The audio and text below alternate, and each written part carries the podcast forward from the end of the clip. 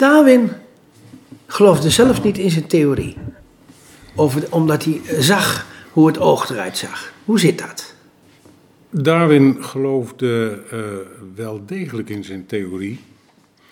Hij uh, was natuurlijk alleen, um, ook vanwege zijn achtergrond, um, vond hij dit een moeilijk punt. En hij, um, hij werd hier vooral mee in problemen gebracht door, uh, ook door zijn vrouw. Zijn vrouw was zeer gelovig. En uh, hij had zelf ooit een keer gezegd, ook voordat uh, zijn boek over het ontstaan van de soorten, voordat dat verschenen was, had hij ooit eens een keer gezegd dat dat oog eigenlijk voor hem een groot probleem betekende, omdat dat zo ongelooflijk subtiel in elkaar zat. We gaan er direct over door. Ik praat hier met uh, uh, uh, Bert van der Pol. Jij was voormalig hoofd van de oogkliniek of oogpoly in het academisch ziekenhuis. Ik of was de, chef, chef kliniek. Chef kliniek. Ja. van UMCG. Ja. ja. En jij hebt je bijzonder geïnteresseerd, ook met name over de evolutie van het oog. Ja, ik heb dat altijd een ontzettend leuk onderwerp gevonden. Ook uh, omdat ik denk dat uh, het oog, althans het zien, de visuele stimulus, het, het, het, uh, het licht, het, het licht-donker onderscheiden en alle variëteiten die daarbij horen, een van de belangrijkste drijvers geweest is voor de evolutie. Daar gaan we het ook over hebben, over de evolutie. Want wat moeten we onder evolutie verstaan. En met name dan ook in het oog van het oog op het oog. Ja, um, evolutie is natuurlijk een lastig begrip. Evolutie is een, een, een verandering van, um, van organismen, van soorten, in andere soorten die uh, andere eigenschappen hebben en uh, die ontstaan op basis van natuurlijke selectie. In feitje in foutjes van het herhalen. Ja, je kunt uh, ieder uh, genetisch pakket uh, wordt doorgegeven aan het nageslacht, maar daar verschijnen iedere keer foutjes in. En die kleine foutjes die zullen in een meer, merendeel van de gevallen niet zoveel gevolgen hebben, maar kunnen dat soms wel hebben. En als die veranderingen die daardoor ontstaan in het organisme voordelen bieden, boven concurrenten. Ja, want het gaat natuurlijk altijd om. Uh, uh, het, het concurrente fouten. Nee, concurrente organismen. Ja, oké. Okay, ja. Want uiteindelijk is de, is de voedselvoorraad is beperkt. Mm -hmm. Het aantal organismen is. Uh, er is een aantal organismen dat daarvan afhankelijk is. Dus heb je concurrentie. Om die concurrentie voor te blijven, kan het dus zijn dat je door veranderingen in je genetisch pakket. dat je daardoor kleine voordelen krijgt boven je concurrenten en dan je beter kunt vermeerderen. Dus dat jouw soort, jouw uh, geslacht, dat dat uh, uh, gaat groeien ten koste van de concurrent. En dat is die beroemde survival of the fittest? Dat heet de survival of the fittest. Ja, ik heb dat altijd een beetje een nare uitdrukking gevonden, omdat er natuurlijk heel wat misbruik van gemaakt is. Hè. Er zijn heel wat bewegingen en filosofieën geweest die dat naar eigen inzicht hebben uitgelegd. Eh, niet tot ons allerheil, zal ik maar zeggen. Maar dat is denk ik wat evolutie is. Er zijn natuurlijk een, een uh, je kunt er veel meer over zeggen. Uh, maar uh, ik denk dat dat de essentie is. Dat, dat het, het, het muteren van kenmerken uh, kan voordelen opleveren, waardoor je een voordeliger concurrentiepositie hebt. Ja, en nu even van, uh, waarom had zijn vrouw daar moeite mee?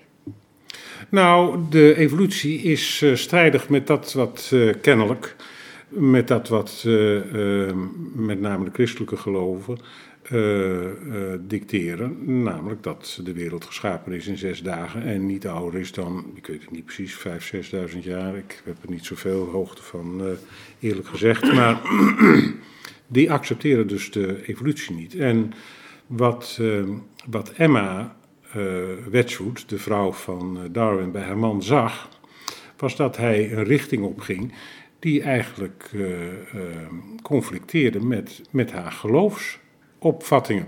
En dat zinde haar helemaal niet. Wat, wat er ook bekend is. Ehm, dus, dus Darwin die, die zelf die, had moeite met, met een aantal dingen. En ehm, hij had dat keurig opgeschreven, nog voordat het, de, het ontstaan van de soorten ontstond. En dat is becommentarieerd door Emma, door zijn vrouw. Dat, die heeft dat gewoon in de kantlijn, heeft hij daar aantekeningetjes zitten maken. En die heeft zich met name op, het, op, op zijn opmerking dat hij moeite had met, met dat oog, met de ontwikkeling van het oog. Hoe zou dat nou in godsnaam ook ontstaan zijn in die evolutie, in dat, dat opvolgen van die, eh, dat, dat veranderen van die soorten, um, tot dat wat het nu is. Uh, en zij had daarbij gezegd, ja nou zie je wel, hè, dit is zo ingewikkeld, dit is zo subtiel, dit kan niet uit zichzelf ontstaan zijn. Maar had ze een punt? Nou, uh, het aardige is dat uh, een aantal jaren later, toen was het, uh, was het, het boek was al wel gepubliceerd, ehm, heeft hij daar nog eens een keer commentaar op geleverd? En kwam toen tot de conclusie dat hij alles wel beschouwd en nog eens een keer overdacht had en getoetst had dat hij tot de conclusie kwam dat dat toch niet vol te houden was en dat het wel degelijk zo was dat het oog ook uh, ontstaan is in een evolutionair proces en niet geschapen is, wat dus de aanname van, uh, van Emma was. Nou kun je natuurlijk altijd nog over de evolutietheorie natuurlijk zeggen van het beschrijft een proces, maar het begin, begin beschrijft het niet. Nee, maar ja, dat blijft natuurlijk een, uh, altijd een duister, uh, duister punt. Hè? Um, wat een begin is, ik bedoel, dan ben je wel heel filosofisch bezig. Ik, dat, ik denk dat dat mijn krachten ook te boven gaat. En ik, uh, ja, wie zijn krachten zou het niet te boven gaan? Misschien een hele slimme fysicus. Maar de, ik denk niet dat je daar iets zinnigs over kunt zeggen. Wat het begin van alles geweest is, de Big Bang, of wat daarvoor geweest is, ik weet Weten we niet. Nee, Nee. dat. Uh, Maar goed, maar wij gaan in een, in een serie van gesprekken gaan we het hebben over de evolutie van het oog, het, het, de ontstaansgeschiedenis van het oog. ja. En als je nou eens gaat kijken van, maar dan kun je misschien wel eens eventjes naar de vrouw van Charles, eh, eh, eh, van, Charles Darwin. Charles Darwin, Ja. toch wel eens even kijken van nou, was het oog dan zo ingewikkeld ja, dat het twijfel oproept over de evolutie? Van hoe ingewikkeld is het eigenlijk? Ja, je ehm, in, in hele grove bewoordingen kun- eh, kunt, eerst kunt aangeven. laten we zeggen, anatomisch is het niet zo'n vreselijk ingewikkeld orgaan. Ik bedoel, het is, eh, als, je er naar, als je het bekijkt, dan, dan zitten daar duidelijk onderscheiden structuren in. Het is ook niet zo extreem veel. Het, het, wat dat betreft, ja, het is een camera in mini-formaat. Ons oog tenminste. En natuurlijk, hoe dieper je graaft, hoe, op, op, op, hoe meer je op microniveau komt, hoe ingewikkelder het wordt. Ehm, maar ja, daarin verschilt het niet veel van alle andere onderdelen van ons, eh, van ons lijf. Dus ze had eigenlijk geen punt. Nee, ik denk dat ze, dat ze geen punt had, nee. Maar ja, het, het tekent natuurlijk ook meer eh, dat wat zich afspeelde. Hè? Het, eh, wat dat betreft, eh, ik, ik ken de geschiedenis van Charles Darwin niet, eh, niet echt heel goed. Maar dit zijn toch aspecten die wel aardig naar voren komen. Hij heeft er aardig mee geworsteld. Hij kwam uit een gelovig milieu. Hè? En ehm, Zoals in feite alle wetenschappers toen de tijd. Jawel, in Engeland zeker. Maar dat, dat, de, er zijn ook een heleboel, dat is ook wel grappig. Ehm, als je een makkelijke baan wilde hebben in het Engeland van, van eh, die tijd, ehm, dus de 19e eeuw, 18e eeuw, dan moest je plattelandsdominee worden. Hè? Dan had je een makkelijke baan met veel tijd, eh, waar je je hobby's in kon uit, eh, kon uit eh, eh, oefenen. En er zijn dus ook heel wat, wat plattelandsdominees geweest die tot heel aardige dingen gekomen zijn. Dus dat, En misschien wel een beetje buiten hun geloof omgingen. ja, misschien wel, ja. ja. Ik heb er geen idee van eigenlijk. Maar Charles Darwin die was dus die was voor- voorbestemd om in, ehm, om dominee te worden. Ja, dat was de bedoeling. Ehm, maar hij was, ehm, het was niet een erg eh, een, een, man die erg goed besluiten kon nemen. En hij begon dus om zich heen te kijken. En ja, die Beagle-reis, dat is een soort backpacking tour van, van hem geweest. Hè? Mhm. Hij was altijd wel heel geïnteresseerd in, uh, in de natuur en natuuronderzoek. Fundamenteel denken. Ja, ik denk wel dat het een fundamentele denken was. Ja, dat moet best wel, hè, zou ik zeggen. En uh, wat u op die reis van die Beagle heeft, uh, heeft meegemaakt, ik denk dat dat zijn. zijn de rest Beagle, dat was de dat, boot, dat, dat schip, ja. ja, de schip, ja. Uh, wat hij daarin meegemaakt, dat dat de, bepalend geweest is voor, voor zijn wetenschappelijke carrière. Een heleboel mensen denken verder dat hij eigenlijk meer een kamergeleerde was. Dat was natuurlijk in hoge mate, was het ook wel zo. Maar hij heeft ook erg veel experimenten gedaan. Dat met, met, uh, met, met groepen dieren, met, uh, met primitievere dieren, met schelpen geloof ik, met, met slakken en met nog wat andere beesten. Kortom, zijn huis is bij tijd en gevuld geweest met de meest merkwaardige beesten. Maar heb jij nou ook een idee waarom Charles Darwin eigenlijk, uh, hoe is hij erop gekomen om zo'n idee te gaan ontwikkelen? Nou, door dat wat hij zag op die beagle. Hè, wat, wat hij daar. Uh, uh, ja, maar waarom ging hij op reis? Omdat hij had toch ergens een doel? Ja, nee, dat zeg ik. Het, het was meer een, een, reis ja, als, als onderzoeker. Hè, dus dat, dat, dat, uh, op dat schip. En het was ook meer een een reis uh, uh, die hem ingegeven was uh, door onzekerheid, als ik het allemaal goed begrepen heb. Gewoon omdat hij niet goed wist. Daar begint wist, elke wetenschap. Ja, en goed niet wist wat hij met zijn leven moest. En wat hij ontdekte was dat er op verschillende locaties op deze wereld dieren die op elkaar leken, op andere manieren tot ontwikkeling gekomen waren. En dat is de basis geweest voor het denken over het ontstaan der soorten. In feite over de diversiteit. Over de diversiteit, ja. ja. En hoe, hoe komt dat? Hoe, waar, hoe komt het dat een dier zich uh, op een bepaald eiland aanpast? Hè? Hoe, hoe gebeurt dat?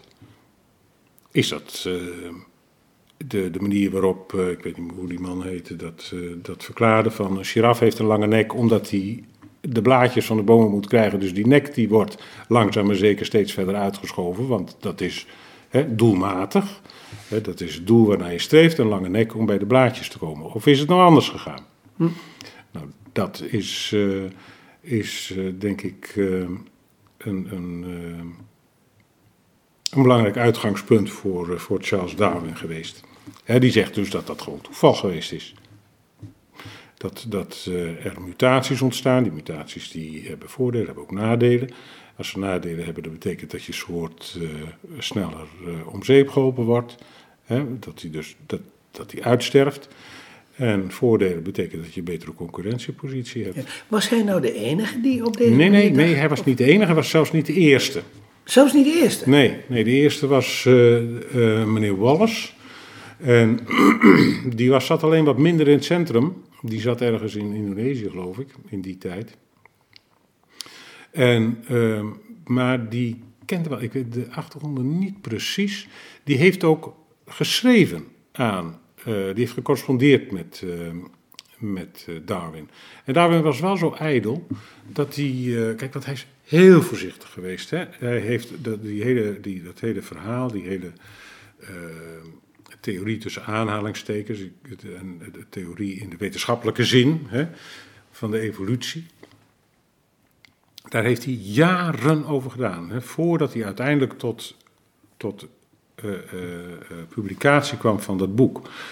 En, want hij voelde zich steeds onzeker. Er waren ook delen die hij. Maar hij had ook veel tegenstand. Ja, daar had hij wat op gerekend. Hij was doodsbenauwd natuurlijk voor. Ja. en dat was niet, niet, niet zo onzinnig, want het. het, de, de dwang, dus de, de, de, de repressie van, van de kerken was natuurlijk toch nog wel erg groot.